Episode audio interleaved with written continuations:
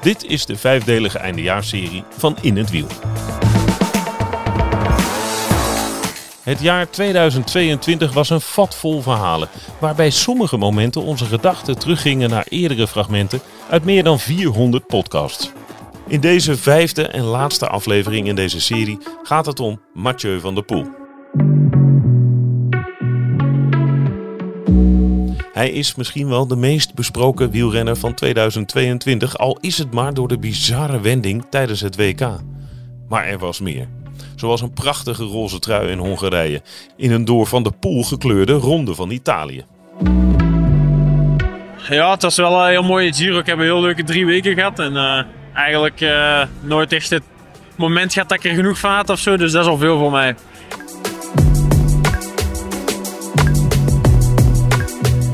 Twee jaar geleden, in december 2020, spreken we via de videoverbinding met Van der Poel.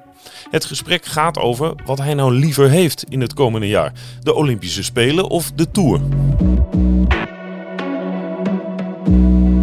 Nee, het is vooral dat ja. Het is het mountainbiken, is een sport waar ik echt wel uh, verliefd op ben geworden. Um, ik vind Olympisch kampioen zoiets heel uniek. Dat is iets wat je voor altijd uh, meedraagt. Um, als ik nou moet kiezen tussen ooit Olympisch kampioen worden of ooit een rit in de Tour winnen, dan is dat een heel makkelijke keuze voor mij. Dan kies ik voor Olympisch kampioen. Um, dus ja, dat wil wel aangeven hoe belangrijk ik dat vind. Nou, je hebt, je hebt Daan Hakkenberg stilgekregen bij deze opmerking. nee, nee, helemaal niet. Ik vraag me alleen dan nog, nog af van... Uh, hoe, hoe, hoe, kijk je dan naar de Tour? dat is dan een voorbereidingswedstrijd. Hij ja, gaat de dat, dat is misschien korter de bocht, maar ik heb nog geen, uh, geen gevoel bij de Tour. Ik, nee, nee. ik heb hem ook nog nooit gedaan, dus ik kan er misschien ook niet over oordelen. Maar ik heb uh, zelf heb ik niet, uh, ik word niet warm of koud van de Tour, zeg maar. En dan word en, ik wel van de Olympische Spelen op de mountainbike. Mathieu, wacht even. Ja. Je wordt niet warm of koud van de Tour. Je, kan, je hebt het parcours gezien, mag ik aannemen, want je, je bent ja. goed genoeg op de hoogte. Even is heel simpel gezegd, je kan in het geel staan. Ja, uiteraard. Ja. Dat is, dat is, ik wil niet zeggen. Dat is, komt misschien een beetje fout over, maar ik bedoel gewoon dat ik. Ik heb het nog nooit gedaan, dus ik kan het ook niet zeggen. Maar uiteraard staat een gele trui ooit gedragen hebben. Staat, dat is een van de mooiste dingen die ik kan hebben gehad in de wielersport. Maar toch vind ik dat de Olympische Speel mountainbike eh, daar zeker naast mag staan. Mooi. En, en, en als je dan droomt, hè? Of, of droom jij of fantaseer je wel eens over wedstrijden, Mathieu? Doe je dat? Um, nou, hetzelfde. Ja? Ja, eigenlijk wel. Ik, uh, vroeger was dat wel. Als klein jongetje daar heb je dat wel, maar dat is een beetje weg. Ja, en bij de Tour heb je dat niet nog gehad? Nee. Nee. Nee, omdat ik, ik, ik, ik, moest toch heel even denken, want ik wist dat we het over die Tour zouden hebben. En we hebben het vorig jaar daar ook over gehad. In, in zaken natuurlijk uh, het overlijden van je opa. Dat je zei, toen zei van, ik vind het zo, ja, ik vind het ergens een gemis. Mm -hmm. dat, hij, dat hij het niet mee gaat maken dat ik daar rij. En een jaar later, anderhalf jaar later, uh, daar zijn overlijden, rij je er al. Ja. Zou je dat dan, ja, is zoiets een eerbetoon? Of is dat te makkelijk gezegd? Of zou winnen nee. een eerbetoon zijn? Nee, dus geen eer, oh, het zou misschien wel heel mooi zijn en het zou wel een mooi verhaal zijn. Maar uh, ik heb gewoon heel graag de Tour gereden met hem elke ochtend in de Village Départ, zeg maar. Ja, ja. Zeker weten, dat was wel... Uh... Elke ochtend een knipoog van Zo. opa. Ja. Of een knuffel, dat mag nou niet meer tegenwoordig, maar... ja, met je opa ja. toch wel? Ja, dat zou een knuffelcontact zijn tijdens de, tijdens de Tour. ja. gaat, de, gaat de mountainbike dan mee naar de Tour, zo achterop? nee, dat denk ik wel niet. Dat zou wel uh, absurd zijn, maar... Het zou wel, uh, er zal wel in mijn hoofd zitten, denk ik, tijdens de rit, ja. Ja, het is echt negen dagen volgens mij, hè, tussen Parijs en Tokio.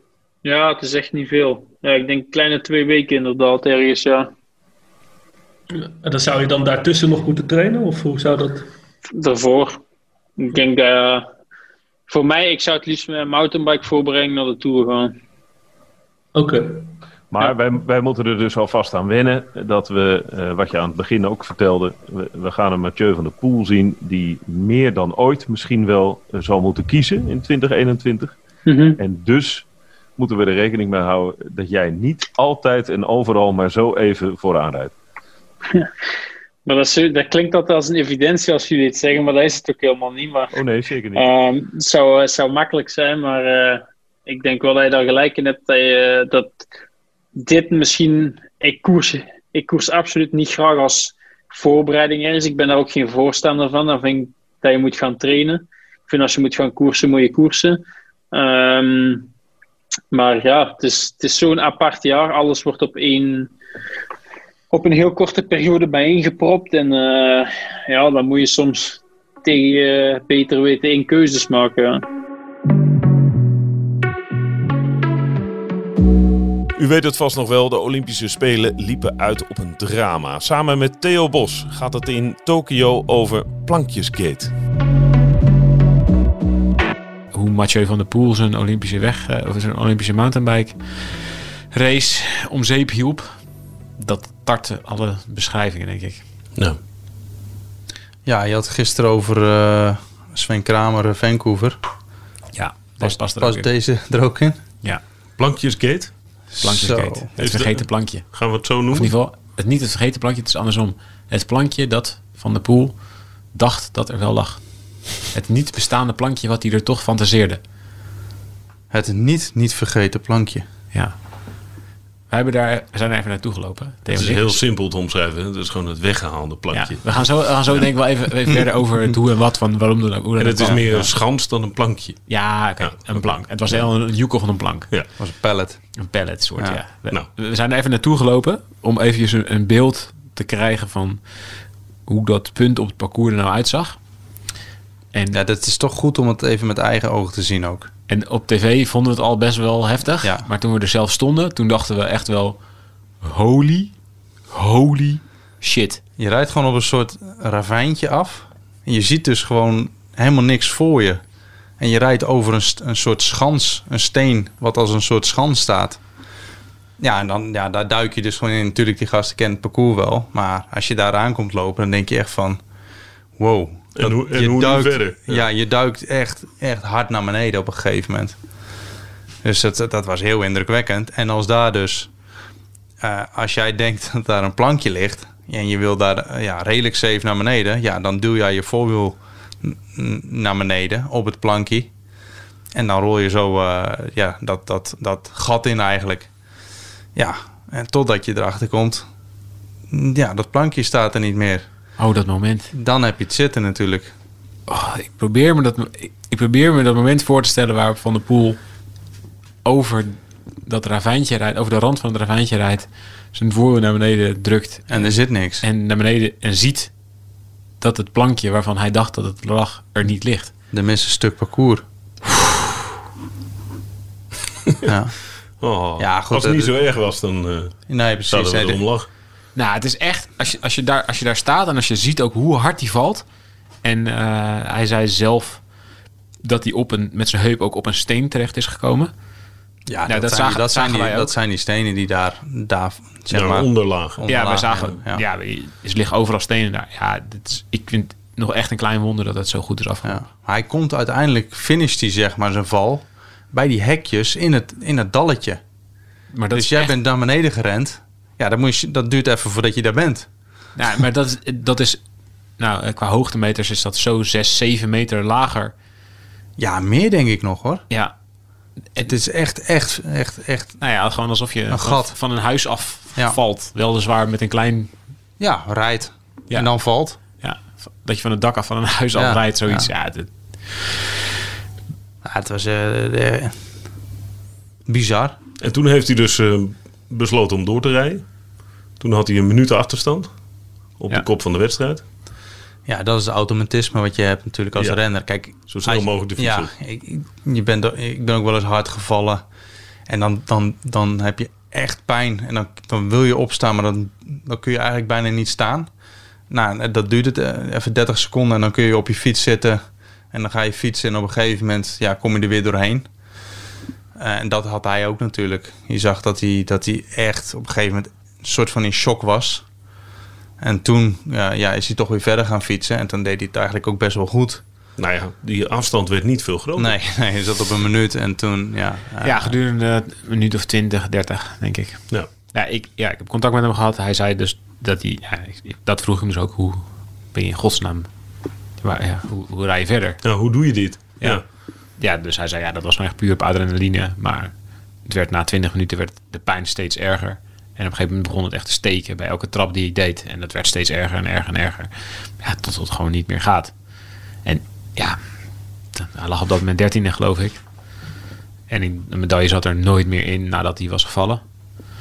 Ehm, dus ja, op een gegeven moment is de adrenaline eruit. En dan ja, gaat hij natuurlijk gewoon voelen hoe hard hij op zijn, op zijn smoel is gegaan eigenlijk. En toen was het heel snel klaar. Afgevoerd naar het ziekenhuis. Ja. Daar heeft hij heel lang gelegen. Is iets gebroken? Niks. Oké. Heel veel kneuzingen, zegt hij, maar niks gebroken. En ja, dat is wel een soort van geluk bij een ongeluk, denk ik. Want dat had nog echt wel een stuk erger kunnen aflopen. En dan Ja. was het dus ook einde... Nou ja, normaal gesproken is het dan einde seizoen als je iets in je heup breekt. Dat herstelt Ja. over het algemeen niet super snel. Renaat Schotten dacht dat hij twee keer was gevallen, trouwens. Nee, dat is niet waar. Nee? Want hij is, op een gegeven moment is hij ingehaald door die Belgische jongen. Mhm. En die was ook gevallen. Ja, ik denk dat Dus- dat op het laatste stuk was. Waar hij dus eigenlijk al denkt, ja, shit, Ja, dit, ja. Hij, is, hij, hij is teruggekomen van plek 35 naar plek 13. En toen begon hij dus weer plekken te verliezen. Ja. Ik denk dat dat gewoon het moment is waarop hij dacht, ja, dit gaat niet. En eh, Nou, toen verloor hij heel snel ook eh, in een halve ronde, anderhalve minuut. ja, en toen, ja, toen dacht hij, dit En is toen was het klaar. wel klaar. Toen is hij uitgestapt bij eh, De post. de Tech en Food Zone. Ja. Maar je zag het toen hij, af, toen hij afstapte van zijn fiets, hoe, hoe hij eh, eigenlijk naar die post hinkelde. Dat hij, ja, hij kon, zijn lijf kon hem dus wel, hij kon dus wel met zijn been enigszins steunen, maar wel met zoveel pijn dat het dus, dat dat niet normaal ging. Het is niet alsof hij even lekker van zijn fiets af, eh, afliep. Nou, je hebt maar zo gehad dat hij niks gebroken heeft. Dat denk ik ook. Dat denk ik ook. Ja, dat is echt mazzel. Ja. Ja, maar goed, eh, ja. Maar dan de Dit, vraag. dit, dit is, dit is, ik bedoel, zoveel kansen krijg je niet hè, om te spelen. Misschien was dit wel zijn enige kans hè, in zijn leven. Dat weet je niet. Dat, ik, ik bedoel, ik heb het zelf ook eh één keer ben ik dichtbij geweest. En dan denk je van ja, toen was ik twintig, pak ik zilver. Denk je ja goed, eh, over vier jaar nog een kans of over acht jaar of eh nou er komen nog wel kansen. Jouw tijd komt nog wel. Ja. Ja. Maar die is, ik ben nooit meer in die, in die kansrijke positie gekomen. Weet je wel, dus dat kan, met, dat, dat kan iedere topsporter. Kijk, want je is natuurlijk een, echt, echt een buitencategorie sporter natuurlijk. Maar ja, hij krijgt ook niet heel veel kansen eh, voor de Olympische Spelen. Dus dit soort dingen, ja, ja het is ongelooflijk dat je, dat je om zoiets knulligs uiteindelijk toch je, ja, ja, je, je kansen vergooit. Dat, dat, dat, dat mag gewoon niet gebeuren eigenlijk. De momenten van verbazing over wat Van der Poel laat zien zijn allang niet meer op één hand te tellen. Maar de bizarre zege in de Amstel Gold Race staat ergens bovenaan het lijstje. Thijs en Thomas Dekker kunnen nauwelijks geloven wat ze even daarvoor hebben gezien. What the fuck vandaag. Echt, what the fuck. Dit is echt de beste startlijst van het hele jaar met 100.000 Alejandro Valverde's aan de start. En wat Van de Poel vandaag doet. Ja, ik... eh, Ja, dit is, het is gewoon, het is, het is een beetje irritant aan het worden, omdat je op een gegeven moment niet meer weet wat je moet zeggen. Eh, want eh, Ja, daar, zit je altijd beetje bijna, bijna zo van, ja, je bent te vroeg aangegaan voor die grote weg. Oh, we hebben iets gevonden tegen je. Maar dan komt hij uit onmogelijke positie, dan houdt Vogelsang voor zijn eerst in zijn leven zijn benen stil. En rijdt hij niet helemaal 100% door met alle verliep. En dan rijdt Mathieu nog zelf het, het gat dicht. En eh, wint afgetekend de sprint. En ehm, ja, dit, dit is gewoon nog nooit zo. Ik heb het nog nooit zoiets gezien. En zeker niet in het moderne wielrennen. Want eh, we kennen natuurlijk alle verhalen. En vorig jaar laat Froome iets zien in de Giro. Wat, eh, wat ook heel bijzonder was. Eh, op een andere manier in een grote ronde einde derde week. Maar op eendagsgebied de laatste jaren. Ja, ik zit terug te kijken. Bartoli die tegen VDB aan het sprinten is op de Redoute. Wat, van, wat, wat, Nee, wat, wat zo'n momentje is. In die categorie, we zitten echt... Het is echt Maar dit is echt in een overwinning. over 20 jaar. Ja, een jonge gast, eh, een, een gast Ja. die eigenlijk een soort van sprookje aan het fietsen is. Want wat zijn, zijn wielencarrière is een sprookje. Wat, wat wel volledig geregisseerd is door een hele fijne groep mensen en een, een, een hele correcte familie om hem heen. Maar wat hij aan het doen is, is echt een sprookje. Je kan het bijna niet mooier verzinnen. eh, Op welke fiets hij ook stapt. Ehm, en hoe die dit, hoe, hoe volwassen, maar ook hoe, hoe, hoe speels. En eh, eigenlijk ja, het is eigenlijk eh, niet echt samen heeft- te vatten. Jij noemt het volwassen. Het heeft ook iets kinderlijks in mijn... eh, Positief kinderlijks. Ja, maar iets dat- onbevangends. Ja. Iets, wow, wat overkomt mij. Maar dat is dus overkomt dat, is natuurlijk ook het mooiste, dus het mooiste wat hij heeft eigenlijk. Hè? Ik bedoel, even afgezien van zijn fysieke kwaliteiten. Hij heeft gewoon een fuck you mentaliteit. Hij scheidt er alles gewoon. Hij gaat hier gewoon plezier hebben. Hij, hij, hij, denkt, ik ga niet in een grote World Tour ploeg rijden. Ik ga gewoon lekker mijn eigen ding doen. En iedereen is hem natuurlijk al jaren aan het zeggen: ga voor de, weg kiezen. Ga naar een van de World Tour ploeg. Je kun je alleen maar voorstellen wat voor aanbiedingen die gast heeft gekregen. Die alle ploegen willen hem hebben. Dat is al jaren zo. En hij heeft gewoon, hij gaat volledig zijn eigen gang. Hij wil veldrijden, dus rijdt hij in het veld. Hij wil mountainbiken, dus rijdt hij op de mountainbike. En hij kiest een paar wedstrijden uit in het voorjaar, omdat die wedstrijden hem wel leuk lijken. En hoe die koerst ook. Ja, wat hij vandaag doet. Hij doet alles, maar dan ook alles fout tactisch. ja, maar ja, hè, volgens de oude wielerwetten dan. Ja. Eh, Je kunt niet in de Amsterdam Gold Race op 45 kilometer van de streep aanvallen. Vlak voordat je een grote baan opdraait waar het elk jaar hard gaat. Omdat iedereen daar zijn kopman in wil positioneren. Het is onzin om daar aan te vallen. Toch doet hij het. Hij krijgt meteen eh, de rekening gepresenteerd. Want Alaphilippe denkt, oké. eh, Ik ben weg. Ja, Kip, ik heb je. ja, doeg. Het, is, eh, het verschil is een minuut. Eh, het gaat never nooit meer goed komen. Want- en oh. toch blijft hij erin geloven. Ik heb dit nog nooit gezien. Nee, En hij heeft Thijs wel heel weinig dingen in zijn leven gezien hoor. Dat is waar. Dat is wel, maar wel veel fietsen. ja, dat, is dat wel waar. Maar jullie zeggen dat allebei. Als je hier even zo over die finishstraat rond, eh, rondloopt daarnet, hoor je dat ook. Het is een ongezien talent, een ongeziene prestatie. Is een ongeziene wielengeschiedenis die hier aan het ontstaan is. Dat is toch... En wij zijn er getuigen van. Ja, en hij doet het allemaal. Ja, gelukkig wel. En wat ik interessant vind nu is, wat, wa- hoe gaat het nu met hem verder? Weet je, wat gaat er nu gebeuren? Hij is, hij is nu, hij was al een ster en het, hij wordt nu een superster. En hij wordt natuurlijk ook iemand die in Nederland, ja, hij is, kijk, i- ze hebben talloze mensen hebben hier naar zitten kijken, miljoenen mensen hebben dit gezien. Het was een soort, het was bijna een soort voetbalwedstrijd, weet je, alsof eh, halve finale Champions League eh, eh, Nederland of een, Nederlandse ploeg gescoord in de laatste minuut na een onmogelijke, on, na een onoverbrugbare achterstand. 3-0 achter en in de laatste minuut wordt het 4-3. Ja, Nederland in extase vanwege deze Ja, dus die jongen wordt dus prestatie. wordt commercieel is die belachelijk veel waard. Gaat, gaan, gaan nog meer, gaan nog hogere eh, aanbiedingen gaat hij krijgen. Gaat zijn ploeg, World Tour ploeg worden. Gaan ze, hoe gaan ze dat doen? Gaat hij zelf eh, zijn benen op de grond kunnen houden? Gaat hij er plezier in kunnen blijven houden? Ook als straks het hele peloton tegen hem gaat koersen. Want dat ga je krijgen volgens Ja, mij. op een gegeven moment wel als het zo doorgaat.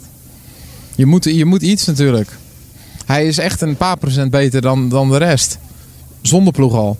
Dus Ja. het risico, hij loopt het risico dat hij slachtoffer wordt van zijn eigen succes. Ja, maar dat is natuurlijk altijd, eh, altijd zo. Nou ja, eh, Sagan nu bijvoorbeeld. ja. Die heeft er echt ook geen lol meer in nu. Nee. Nee, maar Sagan, die, vroeger had hij er nog een beetje lol in, omdat hij dan nog vaak won. Maar ja, misschien, daar, daar- heeft hij van het winnen heeft hij waarschijnlijk al te kort genoten. Het is wel leuk hè, op straat een podcast. Het brengt ook wel iets, vind ik. Het brengt ook Nee, maar iets. dat zie je dus heel erg wel bij Sagan. Maar je ziet hier nog wel echt die oprechte blijdschap en hoe hij zichzelf verbaast en hoe hij daarover praat. Ja. Alle voortekenen zijn goed eigenlijk. Eh, Ik zie deze jongen niet zo snel, eh, niet zo snel eh, zichzelf ergens in verliezen. En van iets heel bijzonders gaan we naar iets heel alledaags. Maar in het geval van Mathieu van der Poel is dat ook wel weer gelijk bijzonder. bepaalde dingen vergaan hè. Ik, ik zie echt nog wel of hij goed rijdt of wat hij niet goed rijdt. Dat, dat zie je gewoon. Maar gewoon vaak in, in, eh, als, je, als je hem gewoon constant bij je hebt, dan, dan kun je op zijn manier, manier van doen en laten. Dan kun je al eh, vrij grote inschattingen maken van, van wat het gaat zijn. En je ziet ook met trainingen, als hij ver getraind is, hoe hij thuis komt, weet je nog fris is. Dat soort dingetjes. Kijk, ik pak hem af en toe wel eens achter de, de, de brommer nog. En Ja, dan, dan weet je al rap van oké. toen, toen had hij begonnen te crossen, had hij twee trainingen niet gedaan. Nou, en de- de ene woensdag en de week later, ja, dat was dag en nacht verschil al. Zo, zo snel gaat En dat zie je dan, weet je wel. Maar als hij dan hier niet komt, ja, dan zijn dat de soort dingen die, die je mist. En je kunt dan ook je entourage ja, zeggen van oké, het komt wel goed, want het is echt wel stukken beter. Dus snap je? Maar als je dat niet ziet, kun je er ook weinig over vertellen. En mis je ook het zorgen voor? Want je vertelde me net, eh, je hebt vandaag je eigen tuin gedaan. En gisteren jouw tuin gedaan. Eergisteren. Eergisteren. Dat is luxe. Dat, dat, lijkt, dat lijkt Ja, me... maar ik heb geholpen, hè. Ik heb geholpen. Dus. Oh, oké, Maar dat lijkt me ook een... eh, een, eh, nou ja, een... Daarmee laat je zien dat je van iemand houdt, toch? Dat je om elkaar geeft. Ja, maar hij moet, hij moet maar één ding doen, dat is fietsen. Hij moet zijn leven de komende tien jaar zo gemakkelijk mogelijk maken. En dan, dan, hij moet daar gewoon keuzes in maken. Nee, maar je doet dat toch gewoon omdat je... Ja, dat is een kijk, geste, toch? Of Ja, niet, Mathieu? Ja. Ja, nee. Ja, je kan ook een tuinman laten komen natuurlijk, maar ik heb eh, liever dan een spuittuin komt doen eh, dan, eh, dan dat je er iemand eh, voor gaat betalen, zo gezegd. En dan staan jullie met z'n tweeën bladeren. Dus dat was, dat is de dag hij was na al- Mol, denk ik dan. Je dag naar. Molle bij eh, heel de voormiddag. eh, Hij was aan het wegkrijgen. Maar hij moet ook niet staan harken en zo. Maar dat is gewoon een hele onnatuurlijke beweging. Dat is ook gewoon slecht, want ik was toevallig... Ja, kruiden is heel natuurlijk. Dat is, dat is natuur, natuurlijker als dingen. Maar ik zei, want ik was toevallig voor mijn rug dan altijd... Als ik dit werk doe, ga ik naar de masseur toe. En die zei ook van, laat hem dat niet doen. Dus, Dat eh, mag je dan je koortraining skippen? Als je de tuin doet, mag je de koortraining skippen. Ja, dan eh, doe ik liever de tuin, denk ik. Maar Maar denk jij daar altijd over na? nee, eigenlijk Nee. niet, want ik vind dat heel leuk om in de tuin te werken. Ehm, ja, zoals mijn auto's poetsen, doe ik ook altijd zelf eigenlijk. En dat vind ik ook heel leuk, maar ik weet ook dat dat niet het beste is. Maar dat heb ik al een paar keer wel in interviews aangegeven. Dat, eh, soms is mentaal nog wel belangrijker dan fysieke dingen die je doet. En dat geldt voor mij heel erg zo. Dus als ze daar allemaal gaan afpakken, dan eh, heb ik misschien het perfecte sportleven. Maar het kan zijn dat het eigenlijk zich niet vertaalt in resultaat, omdat ik daar buiten gewoon niet, eh, niet heel gelukkig ben. Nee. Wat is er leuk aan, aan in de tuin werken? Ja, je ziet heel rap het verschil wat je aan het doen bent. En het is gewoon eh, arbeidsintensief werk ook. Dus eh, dat vind ik eh, altijd wel leuk. Ik heb daar vroeger hier ook eh, altijd het gras afgereden als ik kon. Eh, de zwaardere dingen heeft ons pa dan wel altijd gedaan. Maar ik vind dat wel leuk. En zeker als het dan je eigen tuin is, is dat wel eh, een beetje fijn om mee te helpen. En niet eh, hem alleen alles te laten doen. Voldoening geeft het. Dus Ja, zeker. Zeker als je, je klaar resultaat bent. ziet, eh, lekker. Ja, daarom. Ja. En daar, daar zie je ook echt dat resultaat. Dus ja, ik vond dat eigenlijk wel, wel leuk.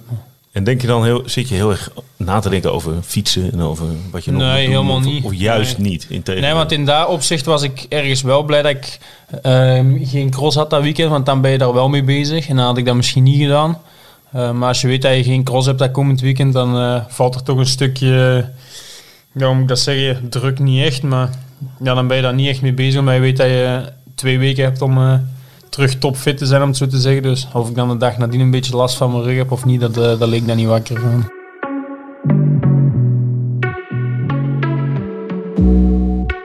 Terug dan naar de verwondering over zijn prestaties. Het jaaroverzicht van 2019. U weet wel, dat jaar van de Amstel Gold Race. In het café aangeschoven zijn Pim Bijl, Sjoerd Moussou, Arjan Schouten en Thijs Zonneveld. Alle verslaggevers van het AD. En we kijken terug op het sportjaar 2019. Onderwerp van gesprek op dat moment, Mathieu van der Poel. Mathieu van der Poel maakt dat saaie wielrennen gewoon echt een heel Ja. stuk leuker. En dat gebeurde precies bijvoorbeeld in die finale van de Amstel Gold Race. Die doet dingen die niet kunnen, die dwars tegen alle wielerlogica gaat, eh, ingaat. En, en, en in dit licht bezien is, is Van der Poel, die gaat natuurlijk... Die, gaat, die valt wel aan op momenten waar het niet moet. En die, eh, eh, die gaat in de aanval op momenten die niet slim zijn. En vervolgens flikt hij het soms toch. Of nou ja, 76% van de gevallen. En die maakt het gewoon... Kijk, hij kan gewoon wachten. Hij kan wachten en wachten op de sprint. En dan wint hij hem waarschijnlijk. En hij doet het gewoon helemaal anders. Omdat hij geen zin heeft om te wachten. Is hij de Max Verstappen van het wielrennen? Ja, hij, wat hij doet... ja, ik, Nou, ik- misschien is de vraag, heeft Mathieu van der Poel in het afgelopen jaar het wielrennen definitief veranderd? ja, nee. Ik vond het namelijk heel erg geruststellend dat hij bij het wereldkampioenschap keihard op zijn bek ging. Ja, maar hij, ja, hij Want dan wel blijkt het toch gewoon een hele lange wedstrijd. En, ja. Ja. ja. Maar natuurlijk hij heeft hij eh, in een bepaalde mate het wielrennen veranderd. Ja. Wat Sagan ook heeft gedaan daarvoor.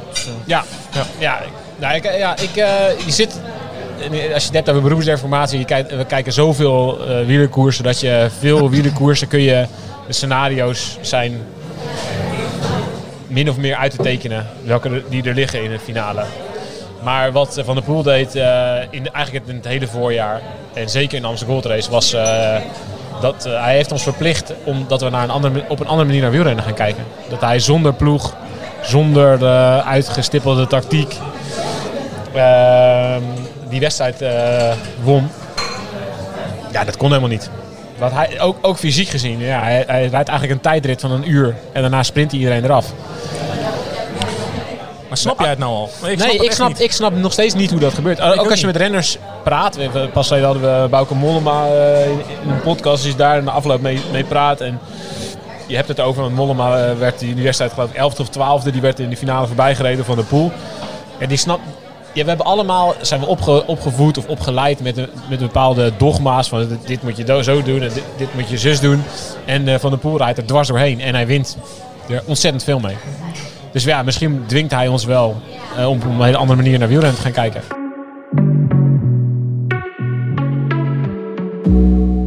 Als Van der Poel meedoet, draait de koers om hem. Ook als hij verliest. Bijvoorbeeld de Ronde van Vlaanderen, waarin hij verslagen wordt in de sprint door Caspar Asgreen. hij zoekt ook echt wel heel vaak de grenzen op van wat hij kan. Door zijn, door zijn koersmentaliteit, door zijn enthousiasme. Nou, misschien soms ook wel omdat hij relatief nog steeds onervaren is. Het is nog altijd, ja, dit is de derde keer dat hij meedoet in de Ronde van Vlaanderen. Ja, dat, dat blijft natuurlijk wel gek. Dat het een renner is die al zo ver is en die in alle koersen waar hij start favoriet is. Maar tegelijkertijd heeft hij heel veel wedstrijden nog nooit gereden. Nee. Of één of twee keer pas. Hij heeft nog nooit een grote ronde gereden. Nee, gaat hij ook voor het eerst doen. Ja, dus, dus, dus het is iemand die, zich, die aan de ene kant kent zichzelf heel goed. Zeker in de wat kortere inspanningen. Aan de andere kant, ja, hij heeft nog steeds niet ongelooflijk veel klassiekers gereden. Dus het is soms misschien ook wel... Ja, hij verkent ook... Hij is er niet bang voor. Je hebt heel veel renners die dan denken... Oké, wacht even. Dan hou ik eventjes in en hou ik eventjes in en wacht ik nog eventjes. Zeker als je zo snel bent als Van der Poel. Ja, hij zou ook echt wel nog een stuk defensiever kunnen koersen. Dat is ook waarom hij heel populair is. En waarom we allemaal van hem genieten natuurlijk. Dat hij gewoon ook vandaag... Ja, hij maakt zelf de koers. Ja, wederom. Ja. Hij maakte de koers. Dus ja, op het moment dat er kunnen anderen aanvallen, dan reageert hij. Dan, hij, hij rijdt gaten dicht. Hij valt zelf aan. Hij, de, de koers draait om hem als hij meedoet. Dat is in alle koersen zo geweest het afgelopen jaar. Met uitzondering van die periode dat hij terugkwam. Na, na de break eigenlijk van corona. Dus, dus nou, eh, augustus 2020 zeg maar. In alle andere koersen draait de koers om hem. En heeft hij de sleutel in handen voor hoe gaat het tactisch verlopen, zeg maar. Of moeten andere ploegen zulke tactische foefjes verzinnen dat ze van de poel moeten kloppen. Maar dan gaat de tijd nog steeds om hem. En dat is in de Ronde van Vlaanderen van vandaag niet anders. De koers draait om hem. Hij maakt de koers. En op het moment dat ze met z'n tweeën weg zijn en ze rijden het laatste, ja, het laatste stuk eigenlijk naar, naar de finish. Dus eigenlijk lijkt er geen vuiltje aan de lucht.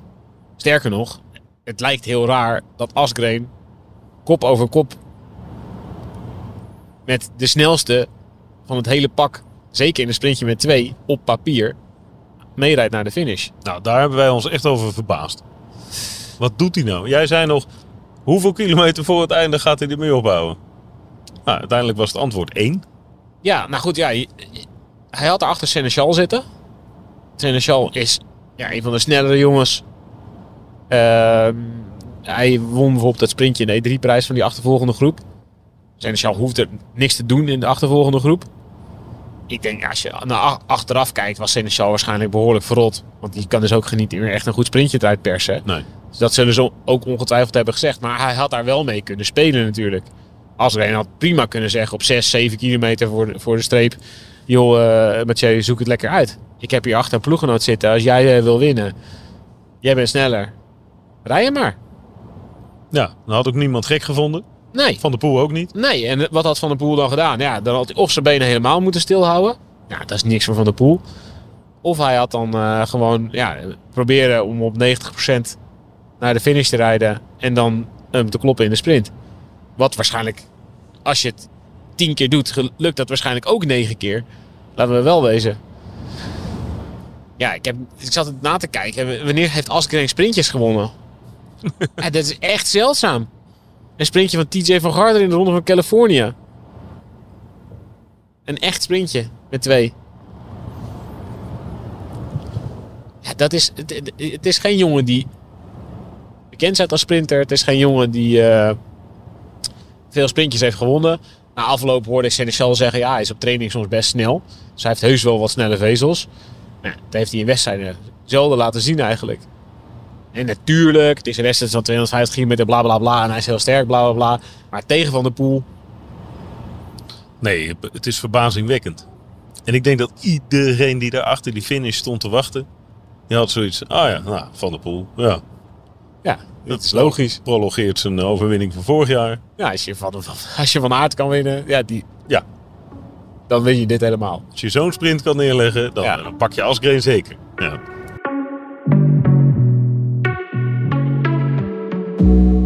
En tot slot de Giro van dit jaar. De start is in Hongarije en daar ligt een gouden kans op de roze trui. Hoe bijzonder is het dat hij...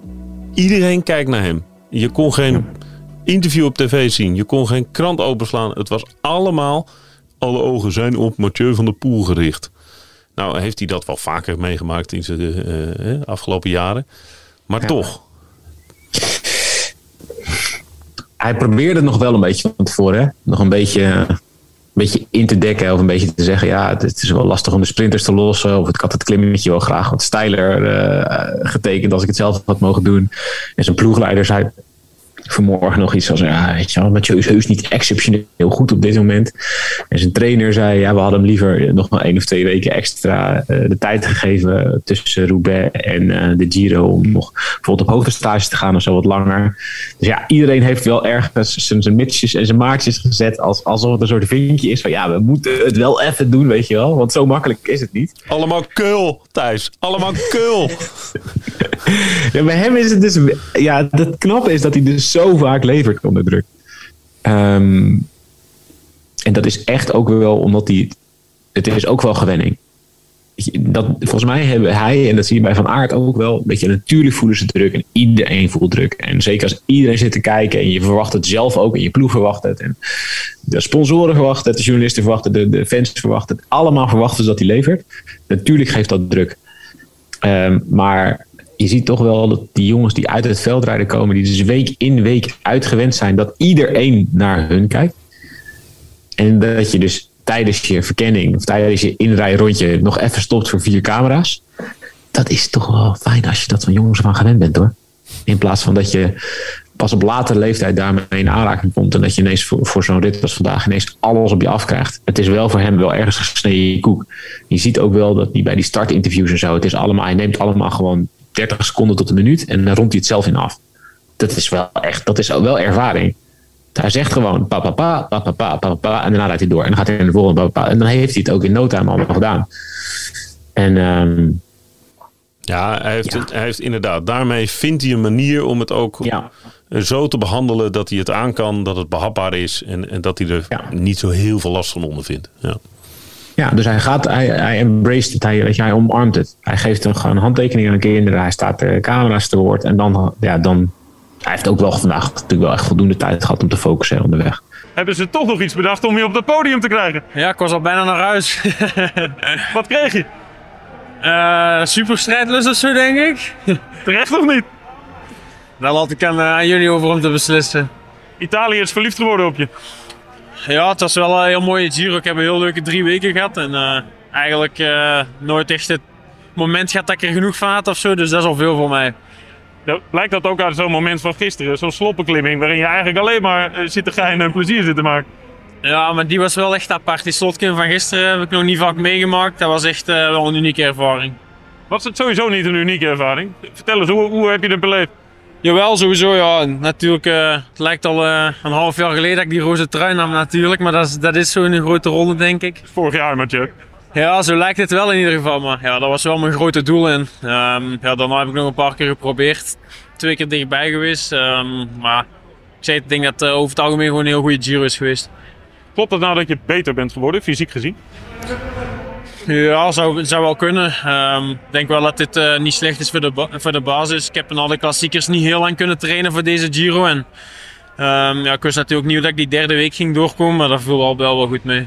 Wat zegt dit nou voor de Tour? Ja, geen idee. Ik ga nou eerst even eh, fiets aan de kant laten staan en dan eh, ga ik terug beginnen fietsen. En dan zullen we zien of dat ik beter ben geworden of niet van deze grote ronde. Ga je nog op hoogte of wat, wat is het plan? Ja, normaal wel. Ik ga nou eh, eerst even naar huis en dan eh, vertrek ik normaal naar Livigno om, eh, om, het, om de Tour voor te bereiden. Tot slot, de laatste vraag. Een gewetensvraag na deze Giro. Drie weken Italië. Met of zonder ananas? Ik heb daar straks in de bus al eh, pizza met ananas op. Er is bewijsmateriaal, maar ik weet niet of ik lef genoeg heb om het online te zetten. Ik zou het niet doen. Dankjewel man. Dit was de laatste van vijf afleveringen van deze eindejaarsserie van In het Wiel. Tot volgend jaar.